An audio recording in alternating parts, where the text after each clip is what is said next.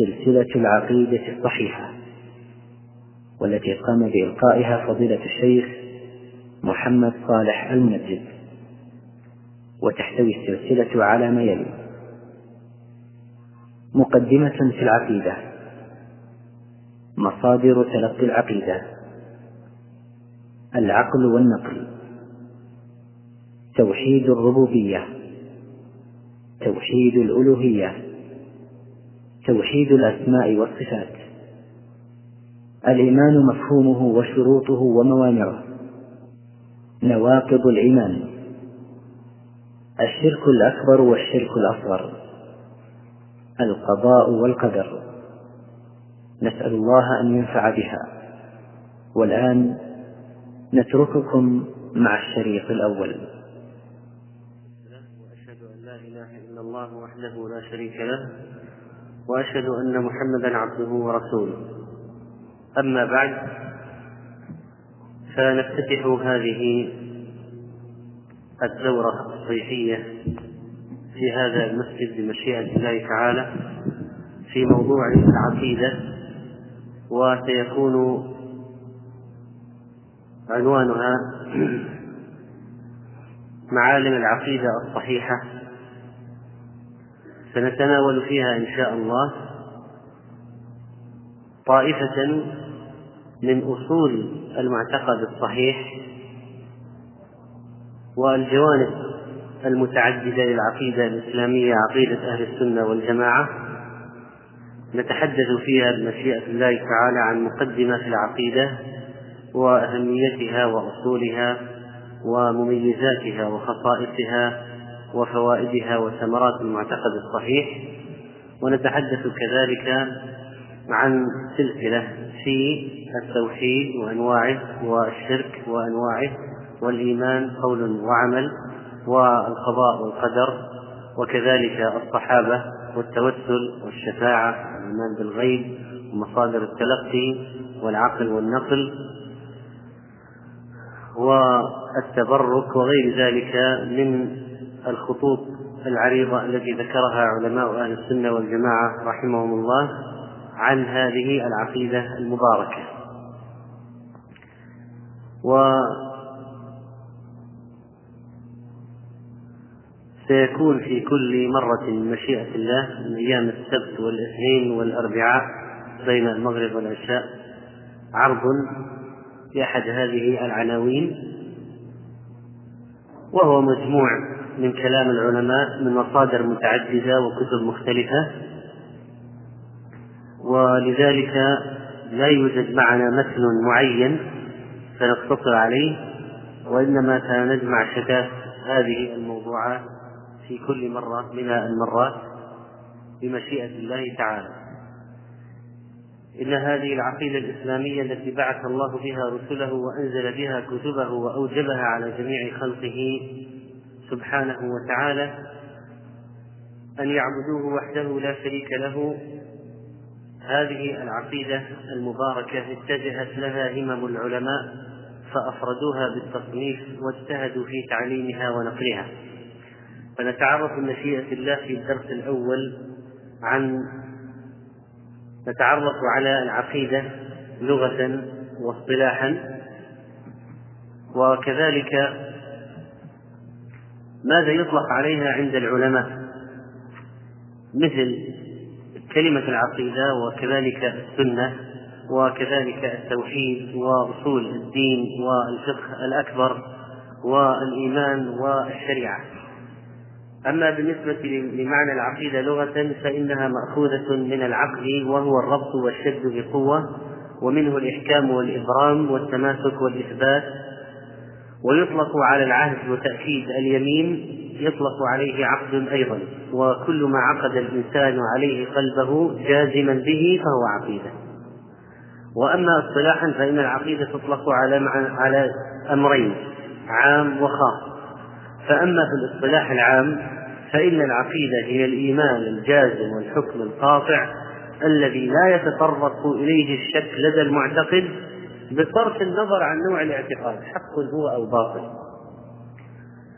وأما في الاصطلاح الخاص كلمة عقيدة في كلام العلماء فهي الإيمان الجازم بالله وما يجب له في ألوهيته وربوبيته وأسمائه وصفاته والإيمان بملائكته وكتبه ورسله واليوم الآخر والقدر خيره وشره وبكل ما جاءت به النصوص الصحيحة من أصول الدين وأمور الغيب وأخباره وما أجمع عليه السلف الصالح.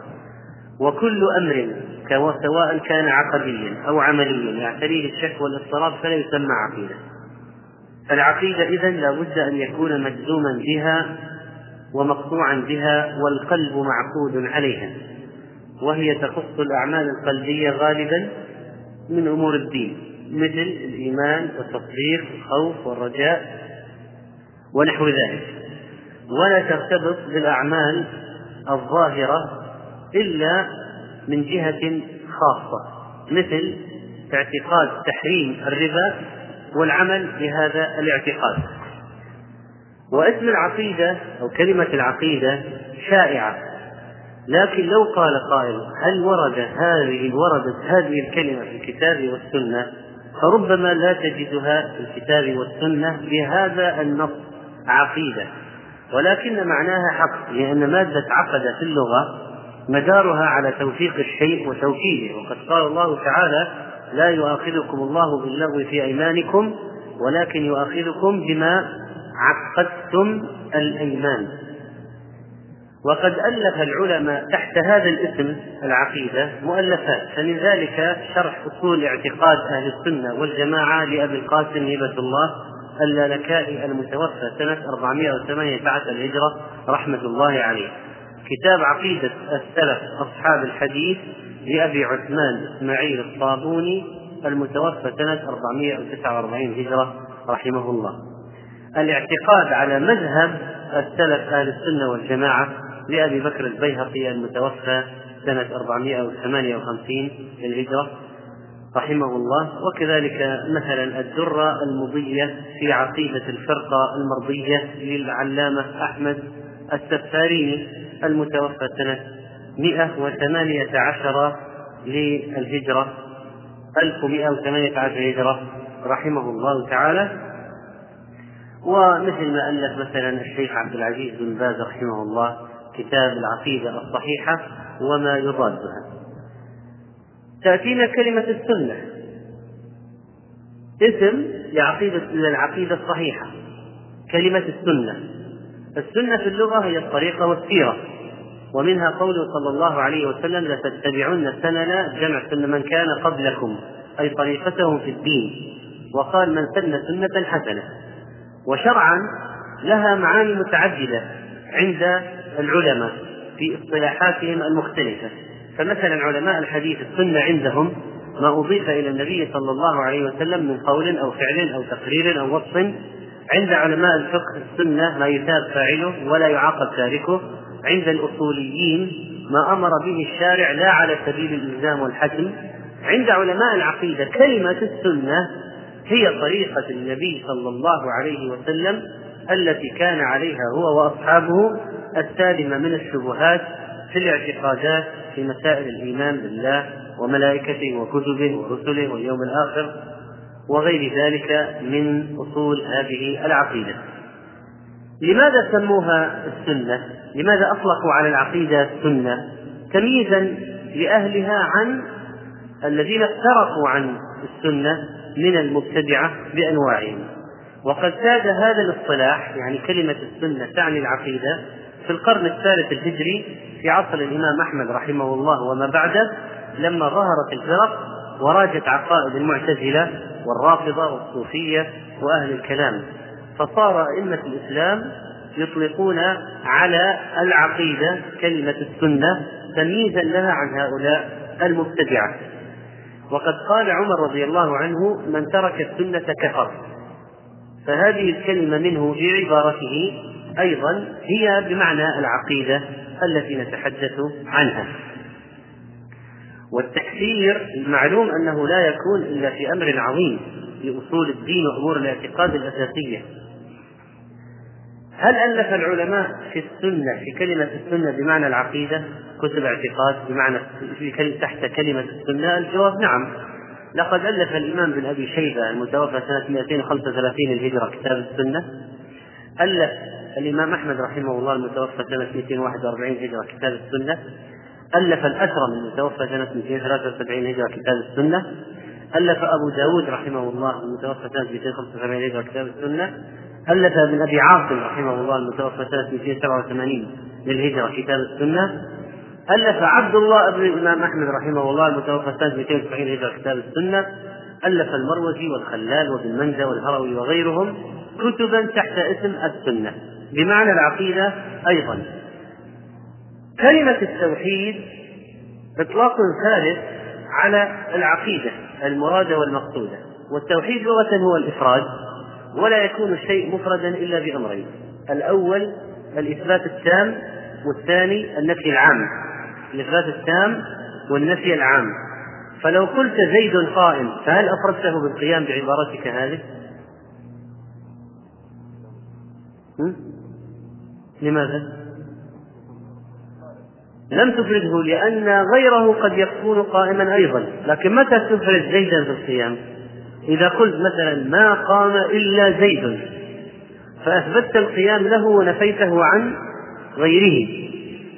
ولذلك فإن التوحيد هو إثبات الوحدانية لله عز وجل في ربوبيته وإلهيته وأسمائه وصفاته ونفي ذلك عن غيره.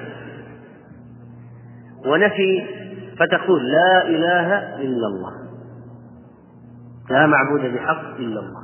هذا توحيد. أما الواحد قال الله الله هذا ليس توحيد.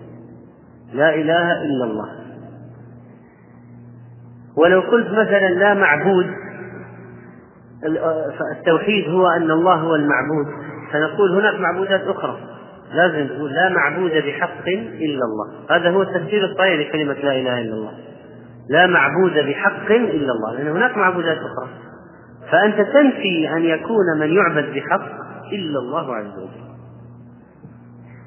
سميت طبعا التوحيد يطلق في باب العقيدة من باب وليس هو كلها. ليس كذلك؟ الآن كلمة عقيدة التوحيد منها ليس كلها. يعني مثلا الصحابة الاعتقاد في الصحابة الصحيح الصحابة هذا داخل في عقيدة أهل السنة والجماعة. لكن هل يدخل في التوحيد؟ في كلمة التوحيد لا. لأن التوحيد هو إفراد الله بالحقوق. ولله ثلاثة حقوق حقوق ملك وحقوق عبادة وحقوق أسماء وصفات. فحقوق الملك هي الربوبية حقوق العبادة الألوهية وحقوق الأسماء والصفات توحيد الأسماء والصفات. هذه هذا التوحيد هو جزء من العقيدة لكن العلماء أحيانا يقولون علم التوحيد يقصدون بها العقيدة. فلماذا؟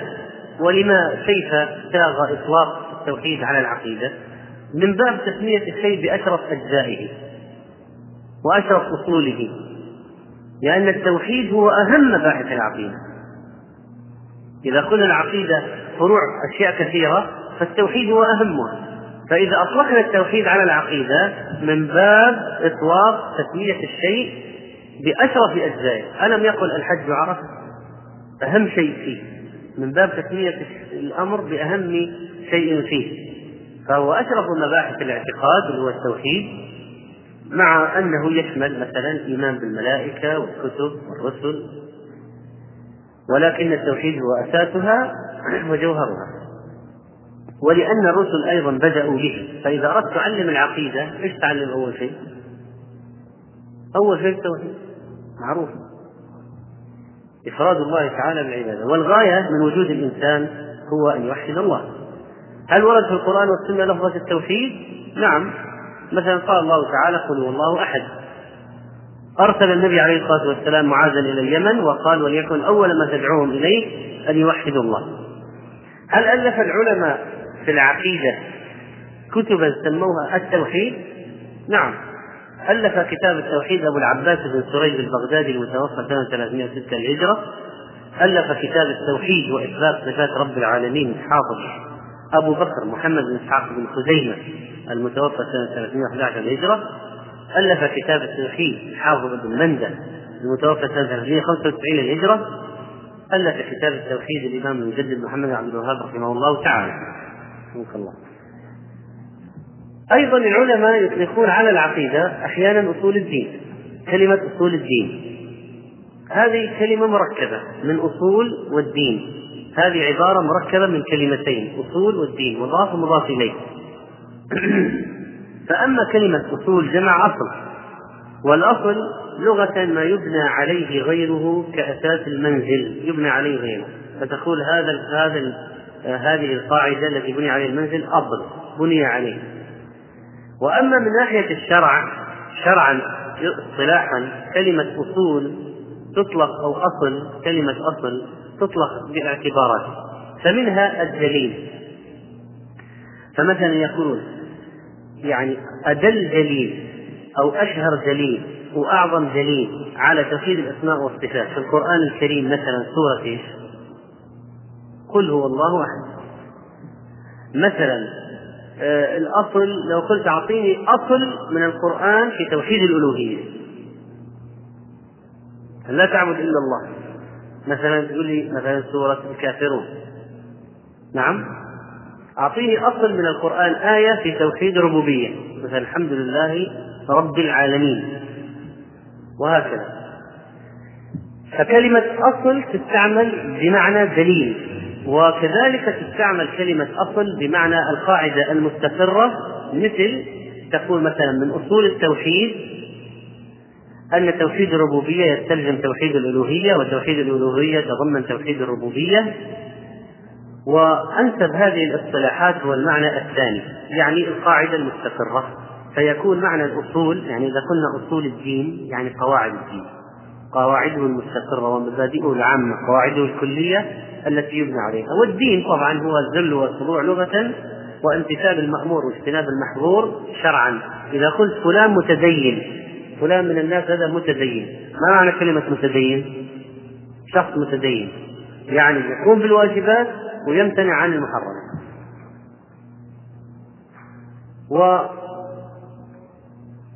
وأصول الدين إذن هي المبادئ العامة والقواعد الكلية الكبرى وهذه العقيدة. هل ألف العلماء في أصول الدين بمعنى العقيدة؟ مؤلفات الجواب نعم. ألف مثلا الإبانة عن أصول الديانة أبو الحسن الأشعري رحمه الله المتوفى سنة 329 هجرة ألف الشرح والإبانة عن أصول السنة والديانة. الإمام أبو عبد الله بن بطة العكبري المتوفى سنة 387 للهجرة. يطلق على العقيدة أيضا الفقه الأكبر وقد سماه بذلك أبو حنيفة رحمه الله تعالى لأنه وألف فيه كتابا وكذلك ينسب إلى الإمام الشافعي كتاب اسمه الفقه الأكبر لماذا سموه العقيدة الفقه الأكبر؟ نسبة تمييزا عن فقه فقه الفروع مثل أحكام الطهارة والحج والنكاح والطلاق الفقه الأكبر تمييز عن فقه الفروع ولماذا سموا العقيدة الفقه الأكبر؟ لأهميتها ذلك وتوقف صحة قبول الأعمال عليه قد يسمون أحيانا اعتقاد بكلمة الإيمان. نحن نعلم الإيمان هو التصديق واصطلاحا هو القول والعمل في القلب والجوارح. تصديق بالجنان ونطق باللسان وعمل بالأركان وهي الجوارح يزيد بالطاعة وينقص بالعصيان. ويسمون العقيدة أحيانا الإيمان ويؤلفون في ذلك مثل كتاب الإيمان لأبي عبيد القاسم بن سلام المتوفى سنة 224 هجرة كتاب الإيمان لأبي بكر بن أبي شيبة المتوفى سنة 235 هجرة كتاب الإيمان للإمام أحمد رحمه الله كتاب الإيمان لابن منجة كتاب الإيمان لأبي يعلى. ابن تيمية رحمه الله ألف كتاب الإيمان الأوسط والإيمان الكبير. أحيانا يطلقون أيضا على العقيدة الشريعة. الشريعة من الشرع وهو السنن والبيان والمورد والطريق. واصطلاحا تطلق كلمة الشريعة على أمرين. عام يشمل ما شرعه الله من الدين عقيدة وأحكاما ومن ذلك عقيدة وأحكام. هاتوا آية من القرآن فيها إطلاق كلمة شرع على العقيدة والأحكام. شرع لكم من الدين ما وصى به نوحا والذي أوحينا إليك هذا يشمل التوحيد والأحكام والعقيدة كلها يطلق عليها شريعة. وقد تطلق الشريعة والأحكام من الحلال والحرام مثلا التي تختلف ويقولون شرائع الأنبياء تختلف يعني في الأحكام الفقهية. وهذا مثال. لكل جعلنا منكم شرعة ومنهاجا. فالعقائد واحدة والأحكام قد تختلف من شريعة لأخرى. كما أراد الله سبحانه وتعالى وشاء وخصت كل أمة بما يناسبها من الأحكام. هل ألف العلماء تحت كلمة الشريعة مؤلفات في موضوع العقيدة؟ نعم. لقد ألف الإمام العالم أبو بكر الآجري المتوفى سنة 360 للهجرة كتاب الشريعة وألف ابن بطة العكبري الإبانة عن شريعة الفرقة الناجية.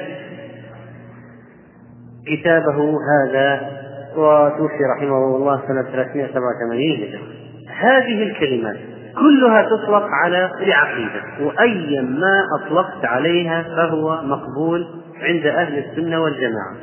سواء أطلقت على العقيدة كلمة العقيدة علم العقيدة علم أصول الدين علم الإيمان علم التوحيد علم الشريعة كله صحيح.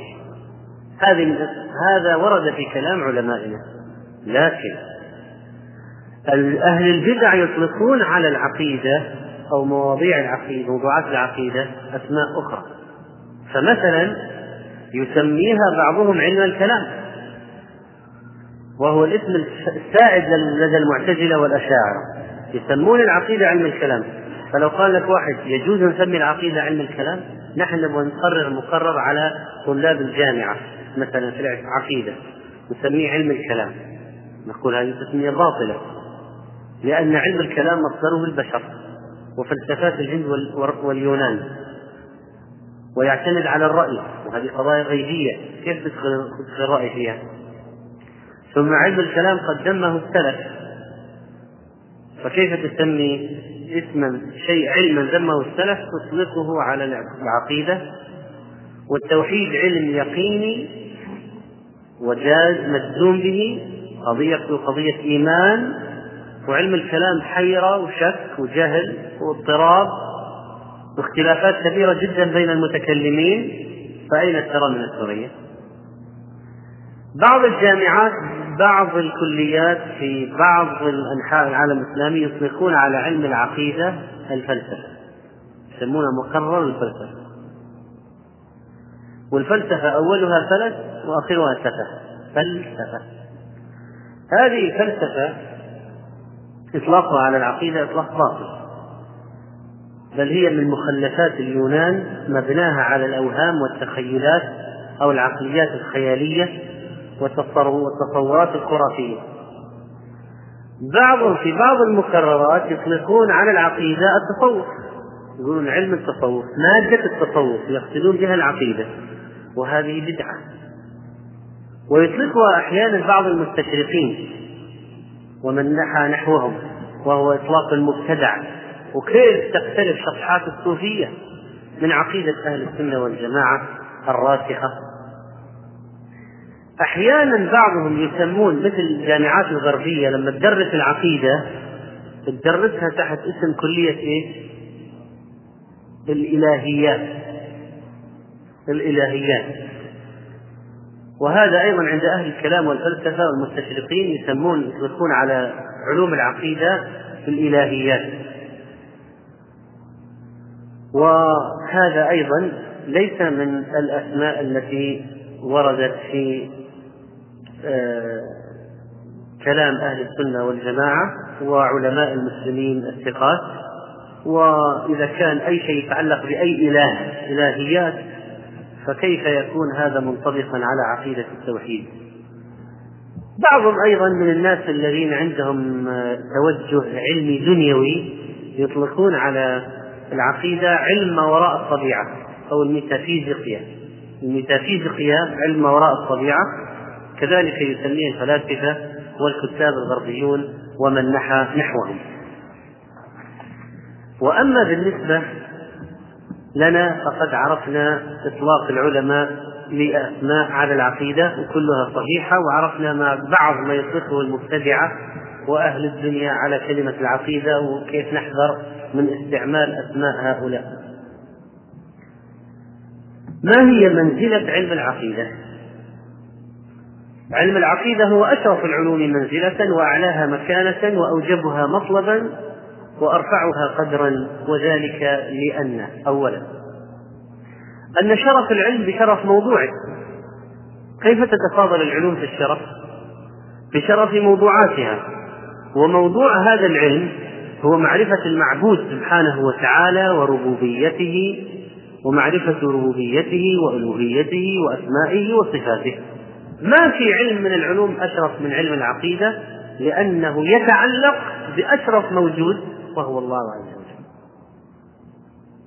فلو قلت أيها أشرف مثلا علم العقيدة ولا علم الفقه ولا علم المواريث ولا علم اللغة ولا علم الأصول ولا ما هو أشرف العلوم؟ علم العقيدة لا شك في ذلك. فهو أشرف العلوم على الإطلاق ولا يصل إلى درجته أي علم آخر من العلوم. ومعلوم أن حتى في الأمور الدنيوية مثلا تقول علم الطب أشرف من علم النجارة. ليه؟ حتى عند أهل الدنيا يقولون لأن موضوع علم الطب هو جسد الإنسان. أما موضوع النجارة فهو الأخشاب فعلم الطب عندهم أشرف من علم النجارة.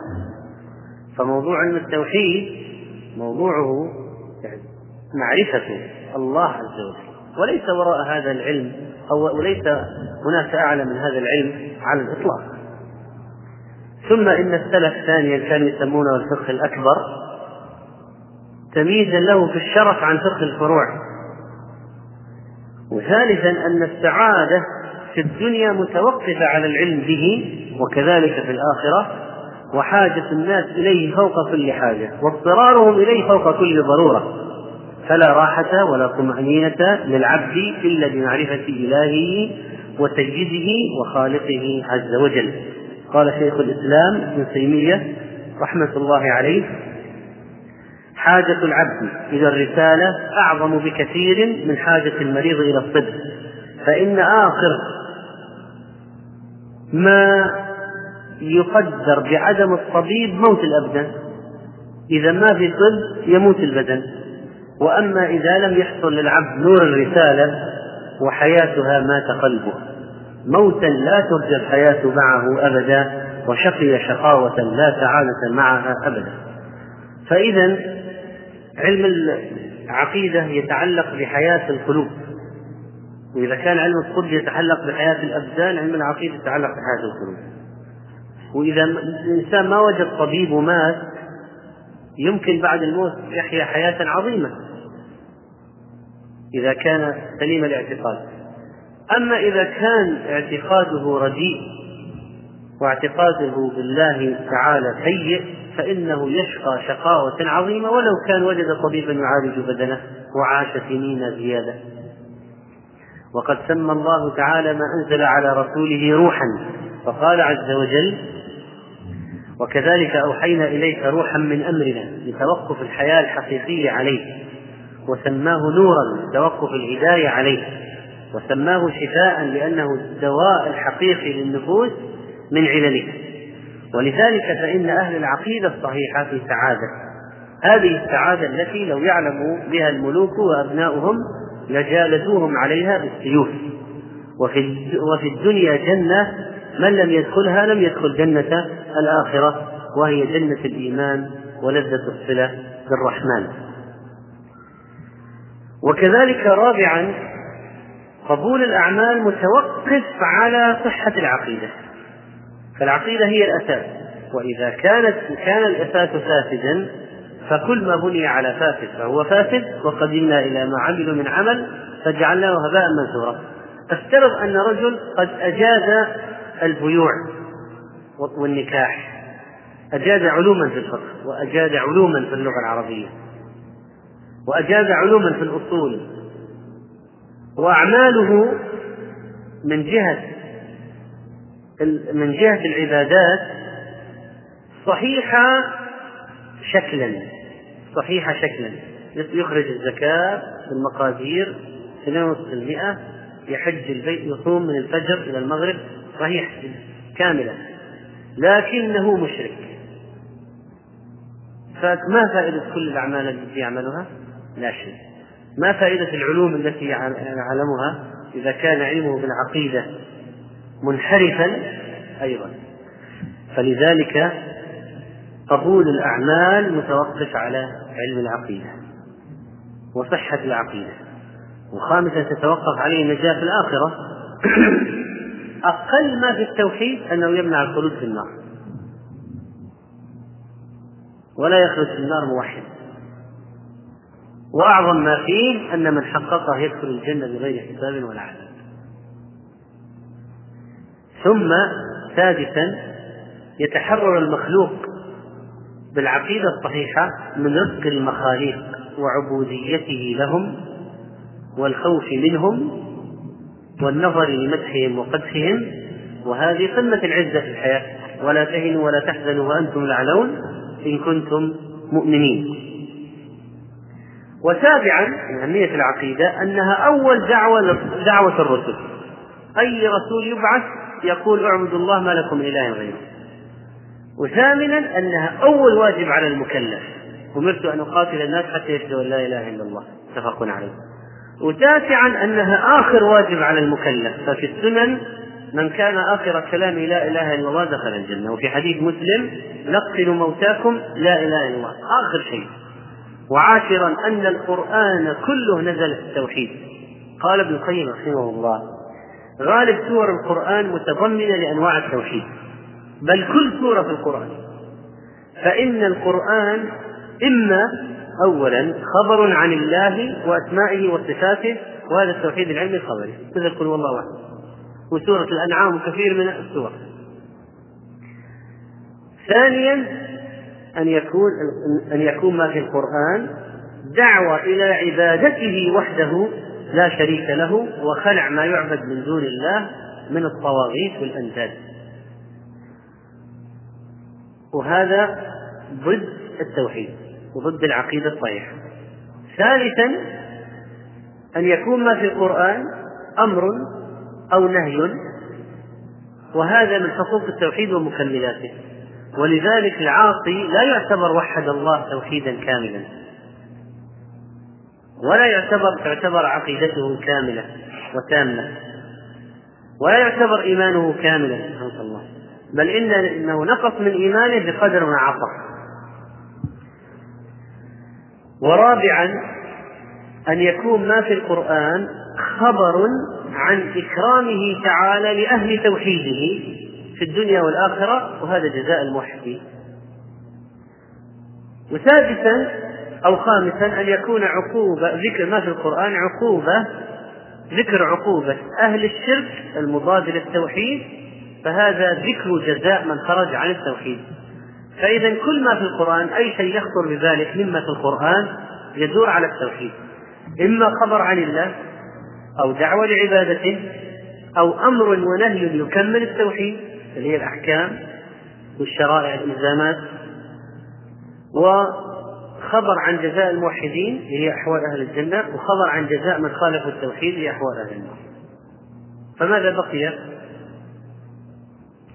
ثم إن العقيدة الصحيحة الحادي عشر تعصي الإنسان دما ومالا لأن النبي صلى الله عليه وسلم قال أمرت أن أقاتل الناس حتى يشهدوا أن لا إله إلا الله فإذا قالوها فقد عصموا مني دماءهم وأموالهم إلا بحقها وحسابهم على الله. وكذلك فإن العقيدة الصحيحة أساس بناء المجتمع الإنساني. فإذا كانت خالية عن الشوائب وتأسست في المجتمع بأفراده ارتفع شأنه. وأما إذا كانت عقائد أفراد المجتمع مخلخلة فإن المجتمع ينحدر في أسفل السافلين والثالث عشر أن هذه العقيدة تجيب على جميع التساؤلات. العقيدة الصحيحة تجيب على جميع التساؤلات التي تشغل الفكر الإنساني إجابات سديدة وصحيحة. فلو قال واحد من أين جئنا؟ فقد تساءل الشعراء والمفكرون من أين جئنا؟ ومن أين جاء هذا الكون؟ من الذي أوجده؟ إلى أين سنذهب؟ ما علاقتنا بمن خلق الكون؟ وهكذا هل هناك عوالم أخرى غير منظورة؟ طبعا نحن نعتقد الملائكة الجن إلى الحور العين ومخلوقات أخرى غير منظورة. كل هذه الأسئلة لا توجد عقيدة تجيب عليها إلا العقيدة الصحيحة. لا توجد عقيدة تجيب عليها أجوبة صحيحة إلا العقيدة الصحيحة. وكذلك فإن هذه العقيدة تخفف على العبد المكاره وتهون عليه الآلام فيعيش آمنا مطمئنا. لأن عقيدة القضاء لأن القضاء والقدر الذي هو من أصول العقيدة. الإيمان به هو الذي يجعل الإنسان مرتاحا في عيشه. الإيمان بالقضاء والقدر.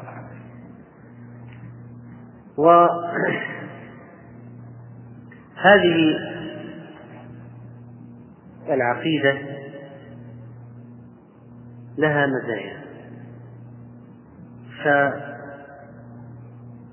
فمن جهة أنها سالمة من التحريف فهي كذلك لأن الله قال وإنا له لحافظون.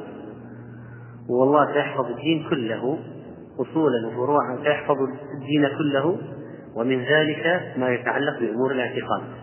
فإذا العقيدة الصحيحة من مزاياها أنها محفوظة ما فيها تبديل ولا تغيير ولا زيادة ولا نقصان. ثانيا أنها عقيدة واضحة سهلة يفهمها كل أحد. العامي وغير العامي. إذا قلت قل هو الله أحد وأعبد الله وغير ذلك من العقيدة فإنه يفهمها فهما فإنه يفهمها فهما يستقر في نفسه. دع عنك الفرعيات والرد على أهل البدع. هو قد لا يفهم الرد على الأشاعرة. لكن الأسس أسس هذه العقيدة أي عامي يفهمها. أي عامي يفهم أسس هذه العقيدة؟ لو شرحت له وقدمت إليه بخلاف بقية المذاهب. لو تعرف العقيدة عند الأشاعرة مثلا لا لا. لعرفت أنه العذاب الأليم ما يمكن يفهم علم الكلام والعام ما يمكن. لا يمكن يفهمه. قائمة على فلسفات وعلى قواعد في علم الكلام والمنطق ما يمكن يهضمها العام. بخلاف العقيدة السلفية الصحيحة التي يمكن العامة أن يفهموها بكل سهولة. وكذلك فإن هذه العقيدة سالمة من كل عيب ونقص. ما في شيء مثلا أنت تخجل من ذكره. لكن أهل العقائد الباطلة عندهم أشياء يخفونها. الدروز مثلا لا يمكن يخبرك بعقيدته لا يمكن هو يخبر بعقيدته إلا بعد سن الأربعين. مثلا وكذلك بعض بعض هؤلاء الباطنية لا يخبرون بعقيدتهم إلا الخواص وبعد سن معينة وعندهم كتب مدسوسة الإسماعيلية مثلا ما لو تقول وين أين كتبكم؟ ما تجدها منشورة هكذا. مخفية ولا يطلعون عليها إلا خواص أصحابهم. وهكذا. ما في العقيدة السلفية ما فيها أسرار ما فيها شيء يخشى منه ما في شيء يخبى. كل شيء مكشوف واضح.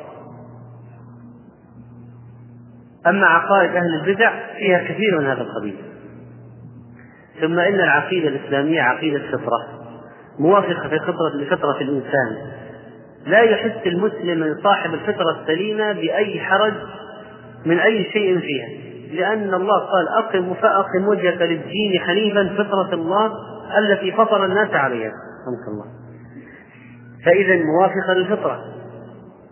لكن بعض العقائد فيها أشياء كثيرة مخالفة لفطرة الإنسان. لا لا تستقيم مع فطرته. فيتعذب حتى يتعلمها. وكذلك فإن هذه العقيدة ثابتة خامسا لا تتغير وتتطور بمرور الأزمان وتعاقب الأجيال. ما فيها مجال للإضافات. أما العقائد الأخرى شوف الآن مثلا تقول الأشاعرة.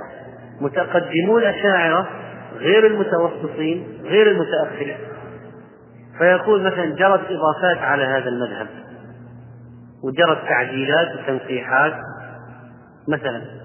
وهكذا كل فكر ضلالي مثلا إذا قلت أهل التشيع المتشيع الأول غير الذين بعدهم غير الذين بعدهم غير المتأخرين منهم. في المذهب يتصور ويتبدل ويتغير ويتلون وهكذا. فإذا إذا نظرت إلى عقائد أهل الباطل تجد فيه زيادات وأشياء تنقيحية. هذا مثلا عقيدة النصارى. كم طرأ عليها من التبديلات والتغييرات؟ وجمعوا أناجيل وحذفوا أناجيل وحذفوا وركبوا أشياء وعملوا. فلذلك فأما عقيدة أهل عقيدة السلف نفسها هي هي هي عقيدة أبو بكر الصديق هي عقيدة محمد عبد الوهاب هي عقيدة الإمام أحمد هي عقيدة ابن تيمية هي عقيدة أي واحد الآن من علماء العقيدة هي نفسها. ما في تغيير. يقوم أهل السنة بالرد على المبتدعة إذا أحدثوا شيئا جديدا.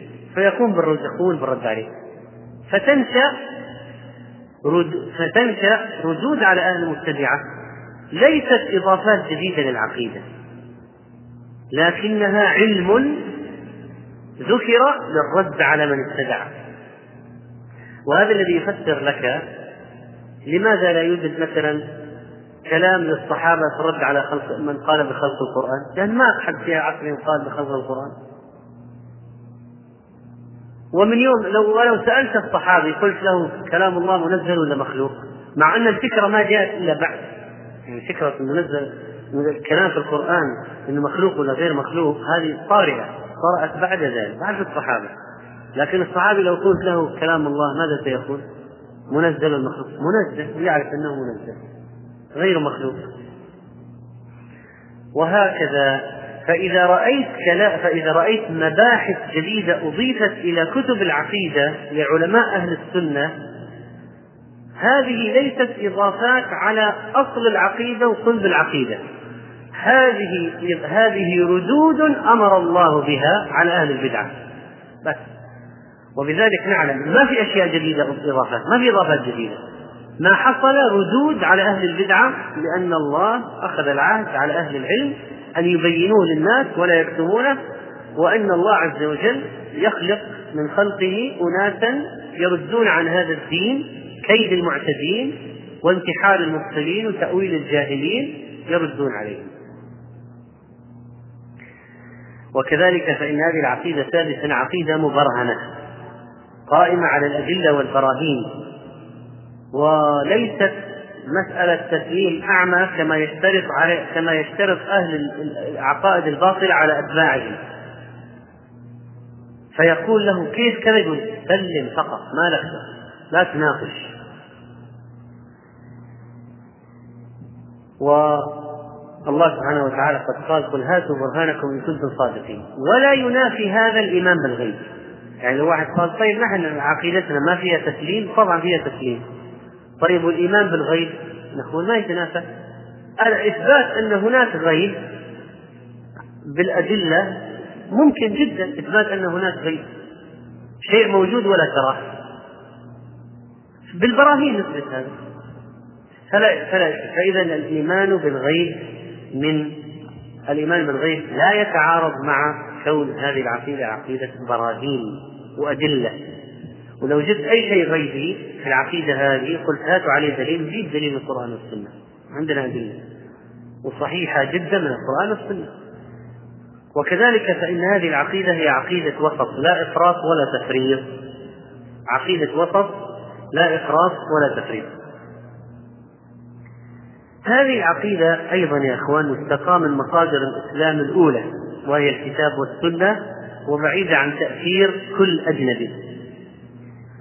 وكذلك فإن هذه العقيدة تبتعد بالمسلم عن الشكوك والأوهام وتجعله آمنا مطمئنا إنما المؤمنون الذين آمنوا بالله ورسوله ثم لم يرتابوا. غير أهل السنة يعيشون في حيرة وضلال وقلق وتنفر. ولهذا قال الإمام مالك لما طرحت عليه قضية قضية قضية الجدل قال الإمام مالك أرأيت إن جاء من هو أجدل منه أيدع دينه كل يوم لدين جديد؟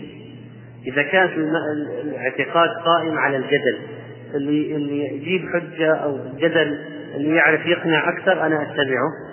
إذا لو جاء واحد يعرف يقنع أكثر من الأول اتبعناه، وواحد ثاني في اليوم الآخر جاي يقنع أكثر اتبعناه، وهكذا. فيعيش. فلذلك هؤلاء أهل الكلام والفلسفة عاشوا في جحيم. ولو نظرت إليهم كيف يقررون التوحيد لتعجبت فإن الأشاعرة مثلا يقولون يجب على كل مكلف أن يشك ثم يؤمن. يقول واحد إذا بلغ كذا العقيدة الأشعرية إذا بلغ ما يكفيه الإيمان والتوحيد الذي علمه أبوه وأستاذه؟ لا. لازم يشك. يقول يعني هل الله موجود ولا لا؟ بعدين يقول أستدل بالبراهين العقلية على وجوده. واحد اثنين ثلاثة. ثم يقول الآن صار عندك إيمان. هكذا الرسول صلى الله عليه وسلم والصحابة كانوا يعني هكذا المسلمون كانوا يربون أبنائهم.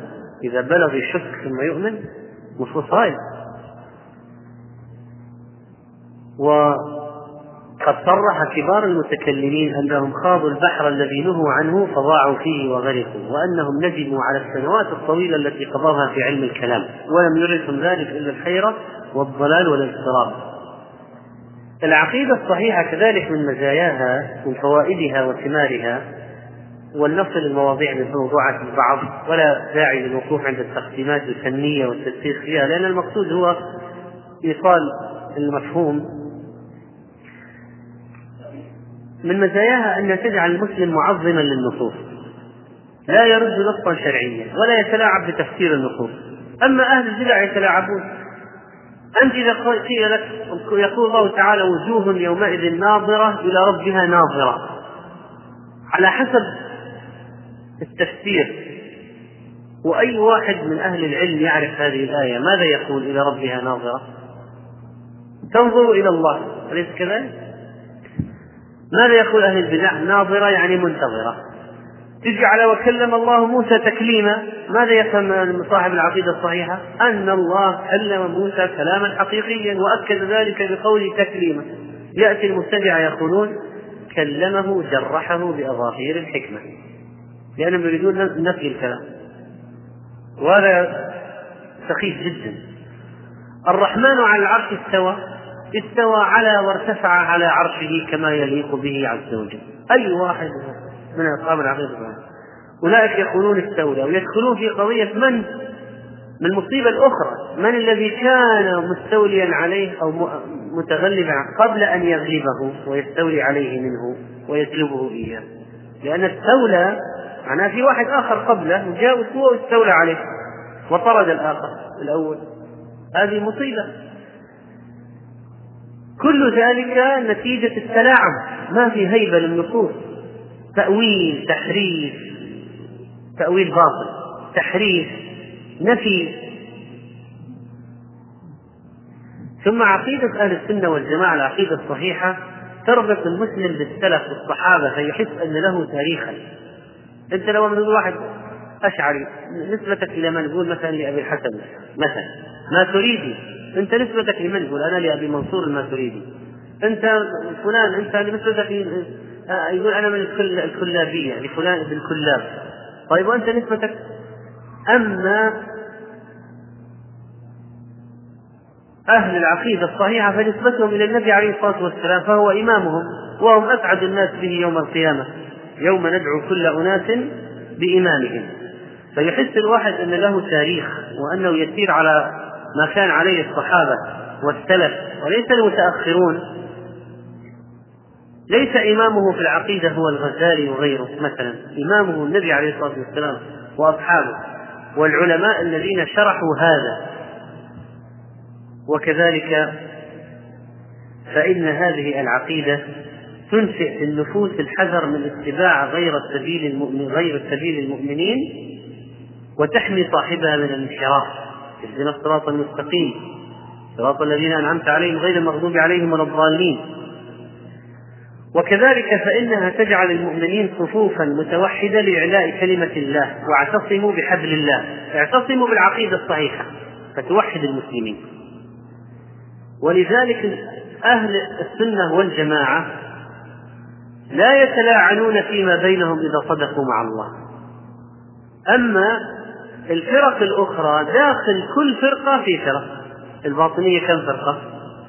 الإسماعيلية كم فرقة؟ الصوفية كم فرقة؟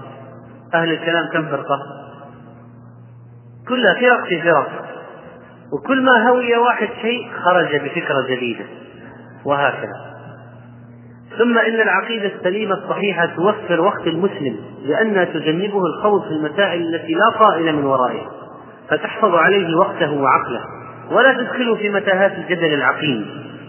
العقيدة الصحيحة تورث تعظيما للرب عز وجل. فيعظم في نفس الإنسان فيخشى الله فلا يعصيه. ويقوم بما أوجب عليه. أما عقيدة المتكلمين هذه يقولون علم الكلام العلم قواعد علم الكلام والفلسفة لا تورث تعظيما للرب ولا خشية. بل تورث قسوة في القلب. ولذلك ممكن تفتح كتاب المواقف للإيدي من كتب الأشاعرة. لا تكاد تجد آية ولا حديث إطلاقا. أما كتب عقيدة أهل السنة والجماعة كل آيات وأحاديث لأن كل شيء من المعلومات الموجودة في العقيدة مستند على آية أو حديث.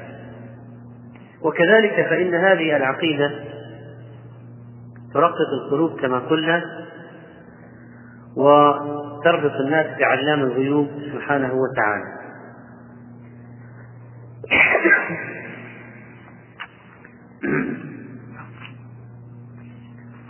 وكذلك فإن هذه العقيدة لها معالم وسنذكر الآن معالم يعني سريعة في عقيدة أهل السنة والجماعة على وجه الإجمال لو واحد قال ما هي عقيدة أهل السنة والجماعة؟ ما هي عقيدتهم؟ ما هي المعالم العامة؟ ما هي الخطوط العريضة في هذه العقيدة؟ فالجواب واحد قال أنا أبغى أعرف عقيدتي أنا أبغى أعرف أعتقد ماذا لماذا أعتقد؟ فنقول عقيدة أهل السنة والجماعة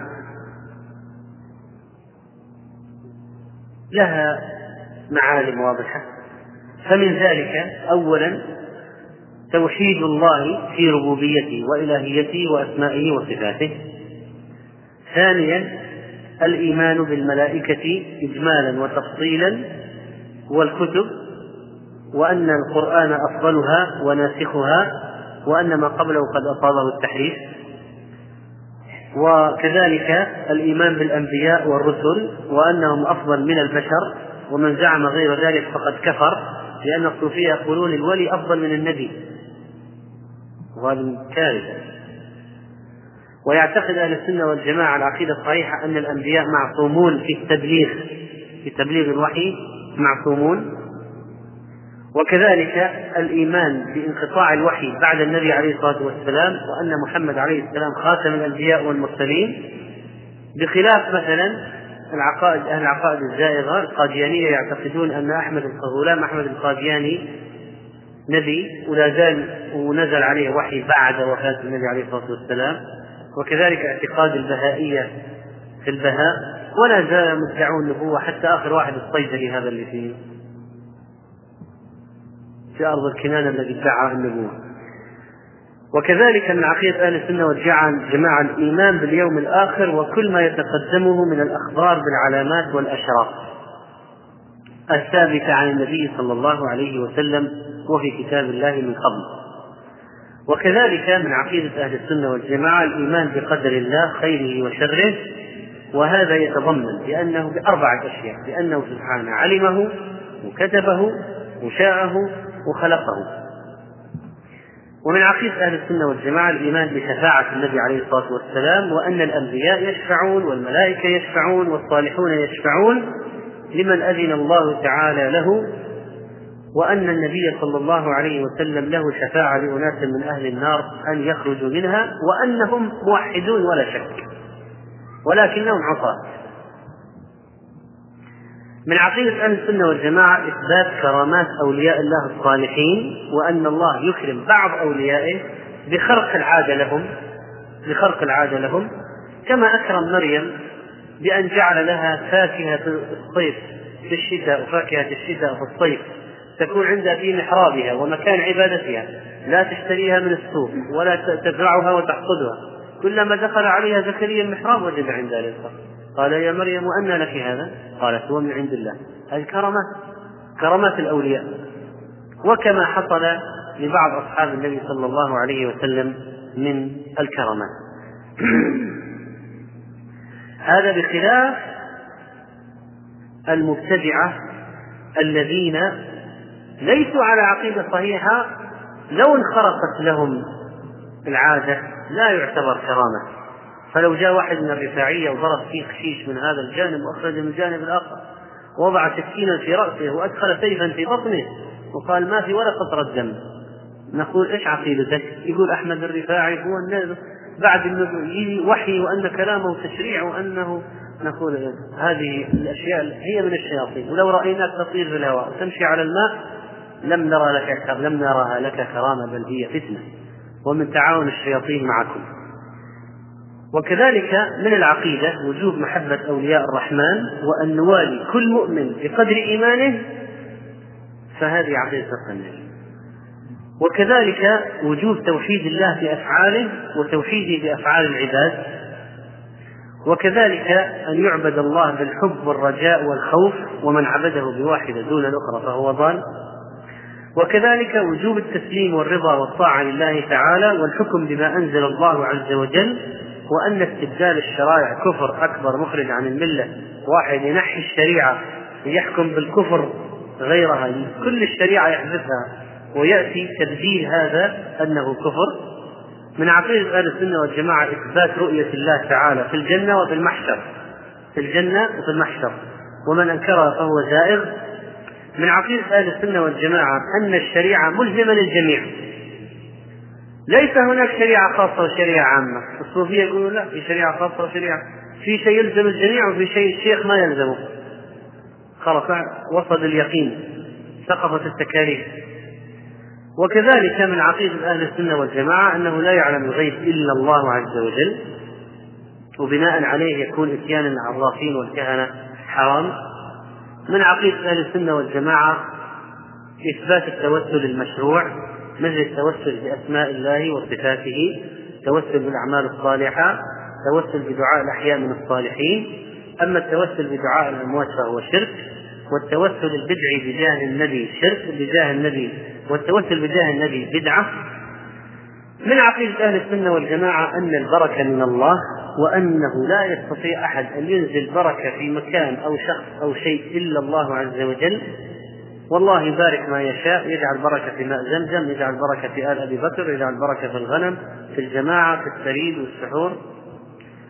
وكذلك فإن من عقيدة أهل السنة والجماعة أنه لا يجوز القطع لمعين بجنة ولا نار أو أو أو إلا بنص وكذلك أن الكفر منه ما يخرج من الملة ومنه ما لا يخرج من الملة. وهذه العقيدة كما قلنا آه، تحرر العقل والفكر من التخبط وكذلك تجلب الراحة النفسية تثبت السلامة في القصد والعمل والحزم والجد في الأمور.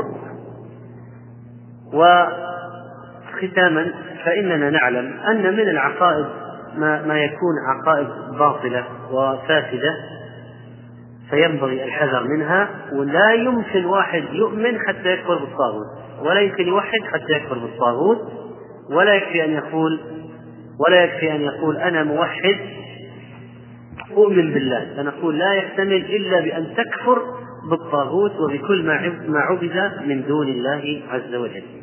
وهذه هي الولاء هذه عقيدة الولاء والبراء. بهذا نكون قد أنهينا هذه المقدمة في العقيدة و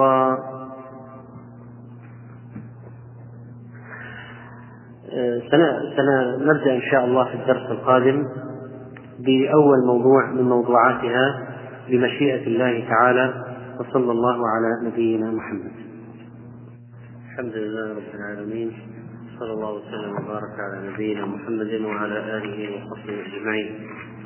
وبعد. فقد عرفنا في الدرس الماضي نبذة عن تعريف العقيدة. وماذا كان علماء السلف يطلقون عليها؟ وهم أهل السنة والجماعة. وهم أيضا أهل الأثر. سموا بذلك لتمسكهم بالأثر. وهم أصحاب الحديث أيضا. دين النبي محمد أخبار نعم المطية للفتى آثار. لا ترغبن عن الحديث وأهله فالرأي ليل والحديث نهار. وهم أيضا السلف الصالح رحمهم الله لأنهم قد سبقونا ولذلك فإن مصطلح السلفية يطلق ويراد به أحد معنيين. الأول حقبة تاريخية معينة تختص بأهل القرون الثلاثة الأولى المذكورين في حديث النبي صلى الله عليه وسلم خير القرون قرني ثم الذين يلونهم ثم الذين يلونهم. وتطرق السلفية أيضا الإطراف الثاني على الطريقة التي كان عليها الصحابة والتابعون ومن تبعهم بإحسان من التمسك بالكتاب والسنة وتقديمهما من من التمسك بالكتاب والسنة وتقديمهما على ما سواهما والعمل بهما على مقتضى الصحابة والسلف. فالسلفية إذا بالإطلاق الأول تكون مرحلة تاريخية انتهت بموت رجاله وأما بالإطلاق الثاني وهو المشهور المستعمل في هذه الأيام بالنسبة لكل من يسير على طريقة السلف فهي منهج باق إلى يوم القيامة. يصح الانتساب إليه متى التزم المنتسب بشروطه وقواعده. لحديث لا تزال طائفة من أمتي ظاهرين على الحق لا يضرهم من خذلهم حتى يأتي أمر الله وهم كذلك.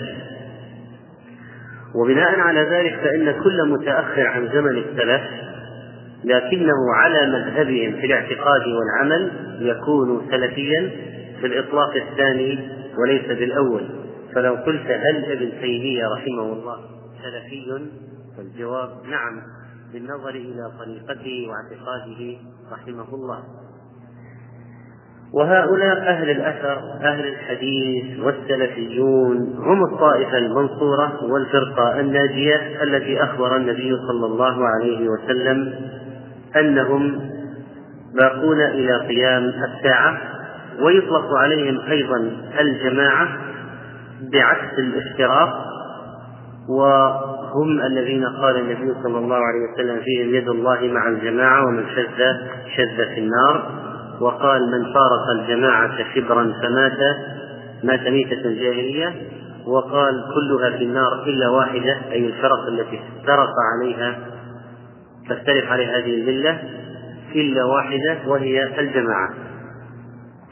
وهي السواد الأعظم من أهل الإسلام يدخل فيهم أهل العلم والاجتماع والاجتهاد وهم أيضا جماعة المجتهدين وجماعة الصحابة وجماعة المسلمين المجتمعون على خليفتهم الذي يحكم فيهم بما أنزل الله. فيجب إذا لزوم هذه الجماعة.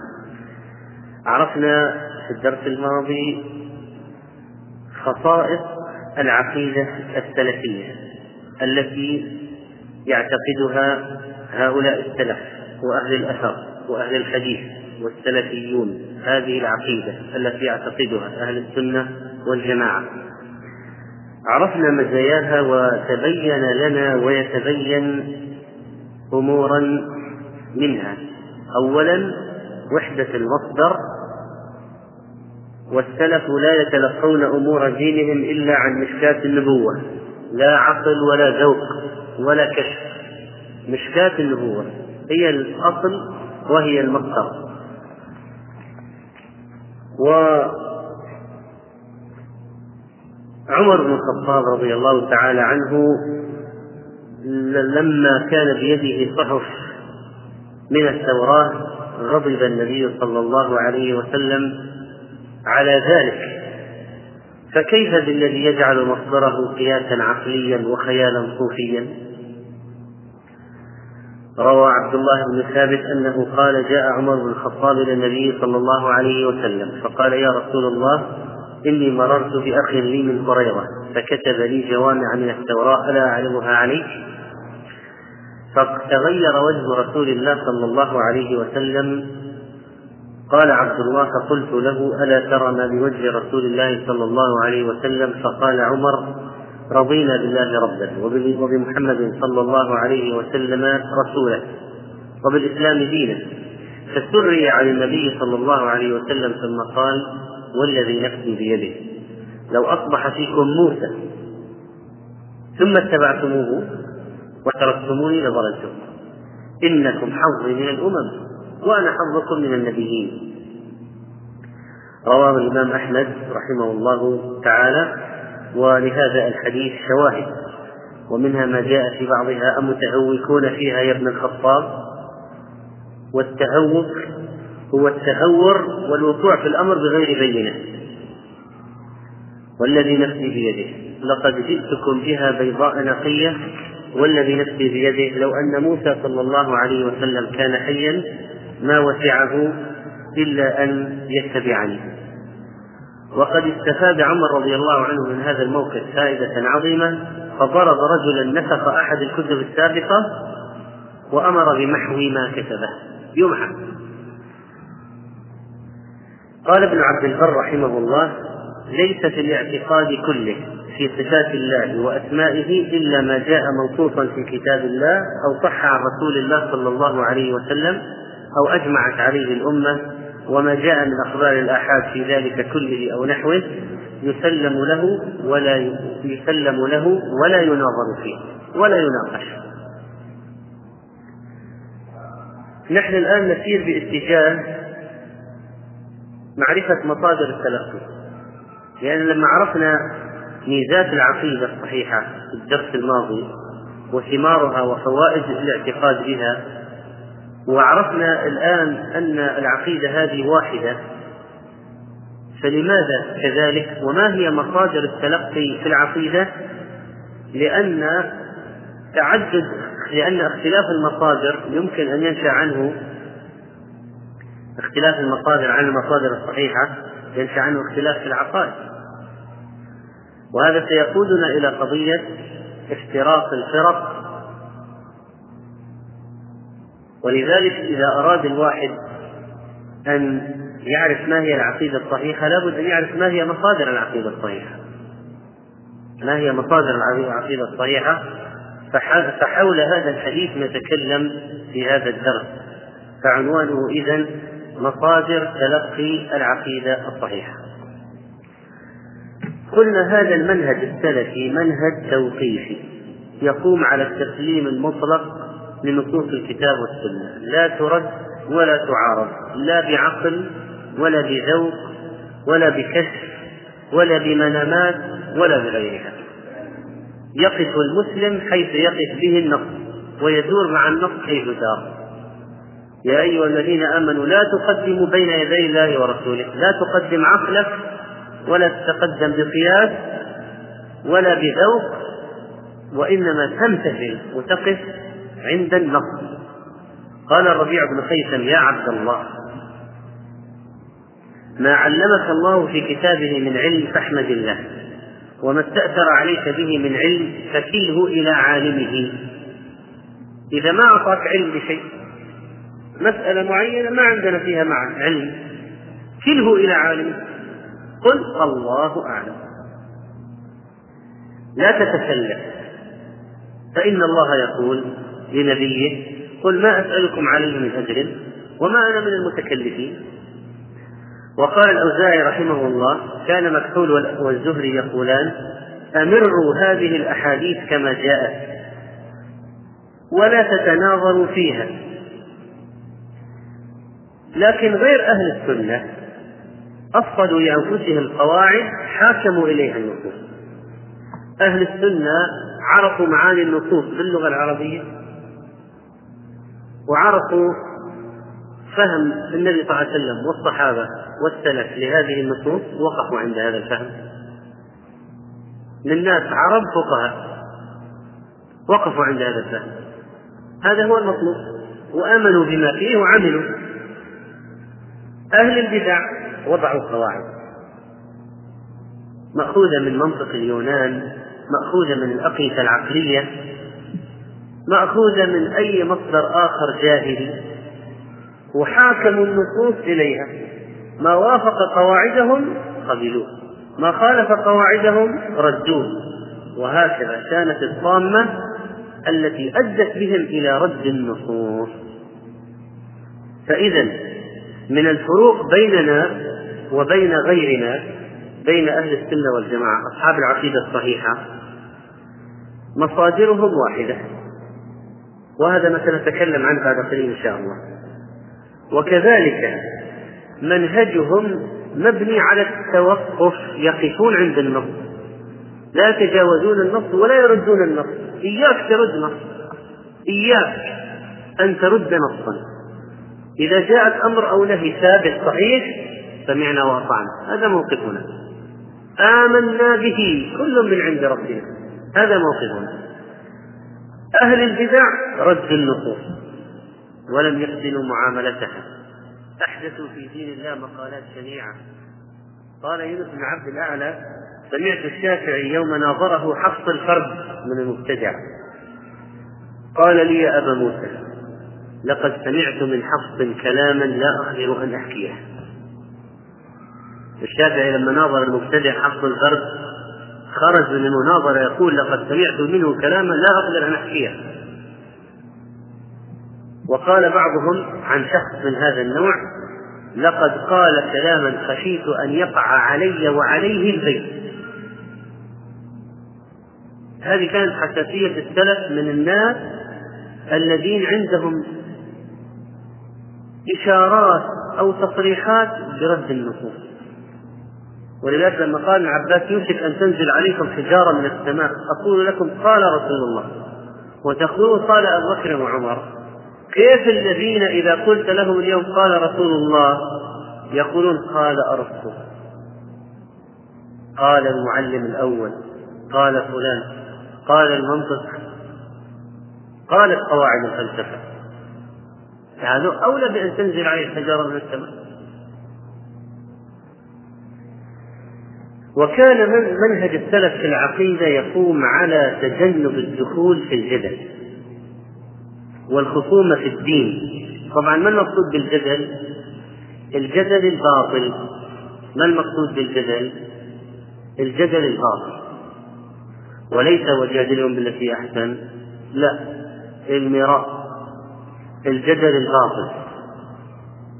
فكان موقفهم موقفا واضحا وصريحا ولذلك ما كانوا يرضون أن يكون هناك جدل في النصوص مناقشات جدل في النصوص. ولذلك لما جاء صبيغ بن عتل وصبيغ بن عتل هذا واحد قام بين المسلمين يدور في المجالس يجلس فيها ويطرح أسئلة تشكيكية. ما هي المرسلات عرفا؟ ما هي العاصفات ما هي؟ يسأل ينظر في الأشياء التي فيها تشابه يثيرها في المدينة يشكك الناس. ما هي النازعات؟ ما هي؟ هذه ما تتعارض مع هذه وهذه ما تتعارض مع هذه وهكذا. ينظر في الأشياء التي فيها تشابه يطرحها. سمع بذلك عمر الخطاب رضي الله عنه. ولم يكن أحد يتجرأ في عهد عمر من يرفع رأسه بدعة لأن موقف عمر كان صارما وواضحا قويا. فبعث إليه عمر استدعاء تعال يا صديق. جاء صديق بن عتب اجلس. جلس. قال عمر من أنت؟ قال أنا عبد الله الصديق. قال له عمر وأنا عبد الله عمر. وكان عمر قد أعد له عراجين النخل. هذا يجلس مع العامة يطرح عليهم أشياء من المستشكلات. هذا شغله. فأخذ عمر عراجين النخل فلا زال يضربه بها على رأسه ويضربه بها على رأسه حتى شج وسال الدم على رأس صبيغ ووجهه حتى قال حسبك يا أمير المؤمنين فوالله لقد ذهب الذي في رأسه كل الشبهات صار. يكفي. ما وقف عمر عند هذا؟ أرسل نفاه نفاه إلى بلد آخر بعيد. وكتب إلى أميره على تلك البلد أن أن يقاطع صديق ولا يكلم. حتى أرسل إليه التماسا بعد مدة يقول الرجل مريض. يكاد يموت. مقاطع من جميع الناس. ما استطاع أحد في عهد عمر أن يرفع رأسه ببدعة ولا يتكلم ببدعة لأن الموقف من مثيري الشكوك والشبهات واضح. لكن اليوم في القنوات الفضائية والوسائل المقروءة والمرئية دائما إثارة شبه. ما هي على طريقة صبيغ بن عسل يثير عند العامة كلمات القرآن لها عدة معاني وأي واحد منها وهل هذه تعارض هذه؟ وإنما في القواعد الضرب في الأسس والثوابت والتشكيك في أصول الدين. قال مالك بن أنس الكلام في الدين أكرهه يعني يقصد هذه المجادلات. لم يزل أهل بلدنا يكرهونه وينهون عنه. وهذا الوضع الذي كان في حال وزمن عافية الأمة هو الذي أدى إلى أن تكون الأمة في ذلك الوقت مرغوبة منتصرة مسيطرة محترمة من جميع الأمم قاهرة وقوية. ومما يلاحظ كذلك اتفاق السلف في أمور العقيدة. ما أحد يؤلف من السلف كتابا في العقيدة ما أحد من أهل الحديث يؤلف كتابا في المعتقد إلا وتتفق مصنفاتهم من أولهم إلى آخرهم من قديمهم إلى حديثهم مع اختلاف بلدانهم وزمانهم ولغاتهم. إذا ألفوا في المعتقد جروا على طريقة واحدة لا يحيدون عنها قولهم واحد نقلهم واحد لا ترى فيما يقولونه اختلافا. لو أي واحد واحد من المشرق من السلف. ألف كتاب في العقيدة يثبت رؤية الله في الآخرة. يثبت في الأسماء والصفات. يقول القرآن كلام الله منزل غير مخلوق. واحد في المغرب يؤلف في العقيدة الصحيح السلفية يقول نفس الكلام. فنجد أن هناك اتفاق بين أهل السنة والجماعة على أمور العقيدة. ومنهجهم في ذلك منهج وسط ففي الأسماء والصفات وسط بين أهل التعطيل الذين ألحدوا في آيات الأسماء والصفات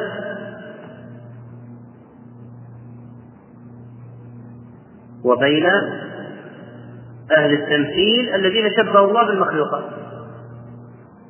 ناس قالوا ليس له يد ناس قالوا يده مثل أيدينا. أهل السنة وسط. قالوا له يد تليق بجلاله وعظمته ليست كأيدينا. أهل التعطيل قالوا ليس له وجه. أهل السنة وأولئك قالوا له وجه كوجوهنا أهل السنة قاموا وسطا يقولون له وجه يليق بجلاله وعظمته. ويبقى وجه ربك ذو الجلال والإكرام. لكن وجهه ليس كوجوهنا لا يشبه مخلوقاته. سبحانه وتعالى. في باب القدر قامت طائفة تقول لا قدر كذبوا بقدرة الله وكذبوا بعلمه أنكروا مشيئته أنكروا اختياره أنكروا خلقه لأفعال العباد. فناس قالوا مثلا لا قدر. ما علمها ولا كتبها. وناس قالوا المخلوق يخلق فعله بنفسه. قام أهل السنة يقولون القدر حق والله علمه وكتبه وشاءه وخلق أفعال العباد. الجبرية قالوا المخلوق لا مشيئة له مجبور. فقال أهل السنة والمخلوق له مشيئة واختيار وإرادة وبناء على ذلك يتم التكليف والمحاسبة عند الله. فأثبتوا القدر وعلم الله ومشيئته وخلق أفعال العباد وأثبتوا مشيئة العبد واختيار العبد وإرادة العبد وأن له إرادة يحاسب عليها ويكلف عليها. وهكذا مثلا في قضية مرتكب الكبيرة. قامت المرجئة تقول إيمانه كامل. قامت الخوارج تقول كافر. قام أهل السنة قالوا مؤمن بإيمانه. فاسق بكبيرته. بين هو مؤمن والإيمان يزيد وينقص فهذا بقدر ما عنده من الإيمان مؤمن وهو ناقص الإيمان بكبيرته وبفسقه هل يخرج في النار عندهم؟ لا فليسوا مثل الخوارج. هل إيمانه كامل مثل إيمان جبريل وميكائيل؟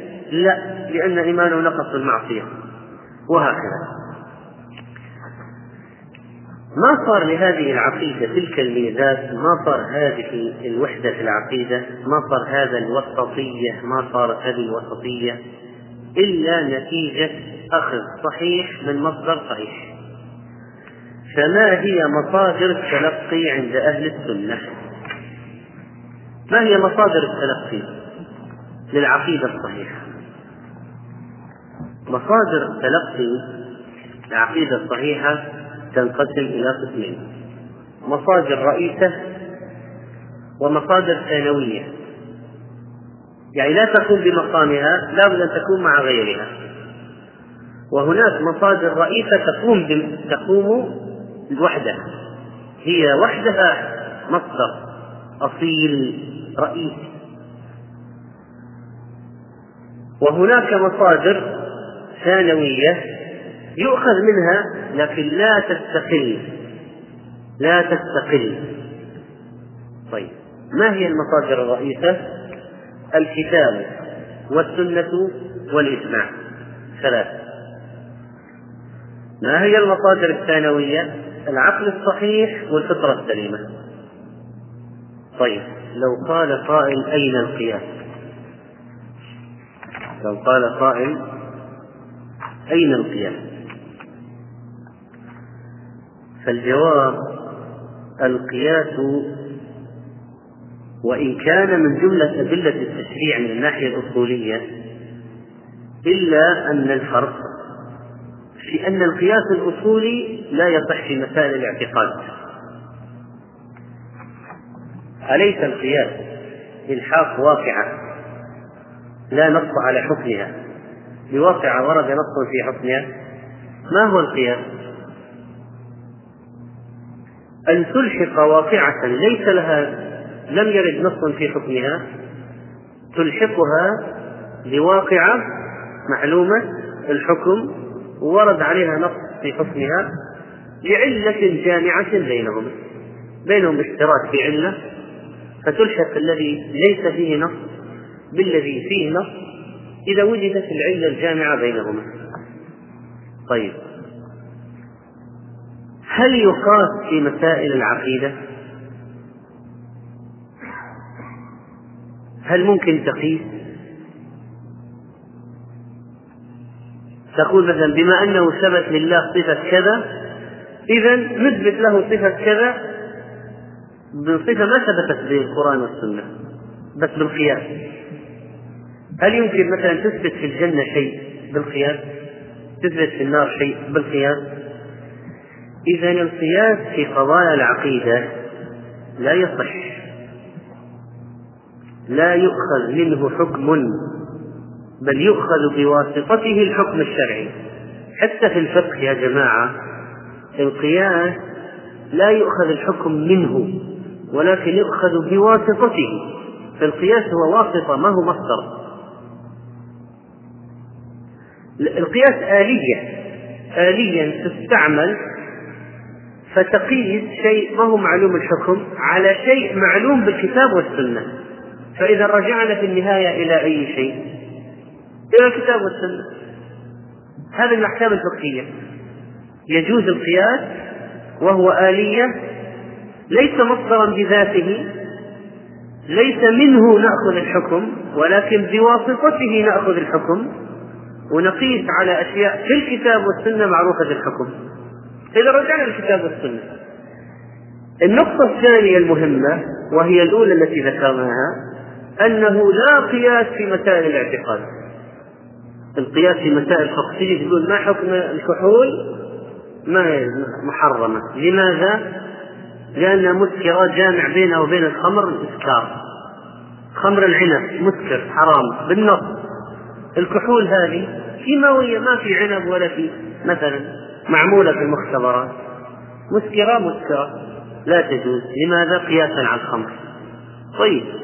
إذا في في الأمور الحياتية الدنيوية في القضايا في الوقائع في الأحداث في المسائل في المستجدات ممكن تقيس لكن في أمور الغيب في صفات الله في الجنة في النار في قضايا الاعتقاد لا قياس ولذلك لا يذكر هنا في هذا الباب. فيقال مصادر العقيدة القرآن والسنة وما أجمعت عليه الأمة. وسيتبين أن الإجماع لا يكون إلا بدليل يعني على الراجح. فنرجع إلى الكتاب والسنة مرة أخرى. لأنك لم تجد مسألة فيها إجماع وما فيها دليل من الكتاب والسنة. لا فالإجماع يزيد في المسألة قوة وليس مستقل عن الكتاب والسنة. فسنرجع في الحقيقة إلى الكتاب والسنة. والمصادر الثانوية قلنا العقل الصحيح والفطرة السليمة وأن العقل الصحيح والفطرة السليمة لا تستقلان وإنما هما يعملان على ضوء الكتاب والسنة. وإذا استقل العقل يفسد ولا يمكن أن تأخذ منه أمورا في العقيدة بدون ما يكون يعمل على ضوء الكتاب والسنة. أما بالنسبة للقرآن الكريم أما بالنسبة للقرآن الكريم وهو المصدر الأول من مصادر العقيدة. القرآن من مادة قراءة قرأت الشيء جمعته وضممت بعضه إلى بعض فهو قرآن سمي لأنه يجمع السور ويضمها. قال الله تعالى إن علينا جمعه وقرآنه. إن علينا جمعه وقرآنه. وكذلك القرآن يتلى بعضه في إثر بعض حتى يجتمع وينضم بعضه إلى بعض. هذا القرآن هو اسم لكلام الله تعالى المنزل على عبده محمد صلى الله عليه وسلم. ويطلق على كتاب الله خاصة ولا يسمى به شيء غيره من سائر الكتب. يسمى توراة يسمى إنجيل يسمى زبور. أما القرآن فهو الذي نزل على محمد صلى الله عليه وسلم خاصة. وهو كلام الله وإضافة الكلام إلى الله إضافة حقيقية من باب إضافة الكلام إلى قائله. كلام الله هو الذي قاله. وهو المعجز. طبعا الصحابة كانوا يقولون القرآن بس فلما ظهر الخوض في صفات الله وفي كلام الله بالذات من قبل المعتزلة والزنادقة وفرق المبتدعة صار السلف في كتب المعتقد إذا جاءوا عند القرآن يشرحون يكتبون جمل. فمثلا يقول أبو جعفر الطحاوي رحمه الله وأن في المعتقد الذي كتبه وأن القرآن كلام الله منه بدأ وإليه يعود منه بدأ بلا كيفية قولا. منه بدأ قولا وأنزله على رسوله وحيا. وصدقه المؤمنون على ذلك حقا. وأيقنوا أنه كلام الله تعالى بالحقيقة ليس بمخلوق ككلام البرية.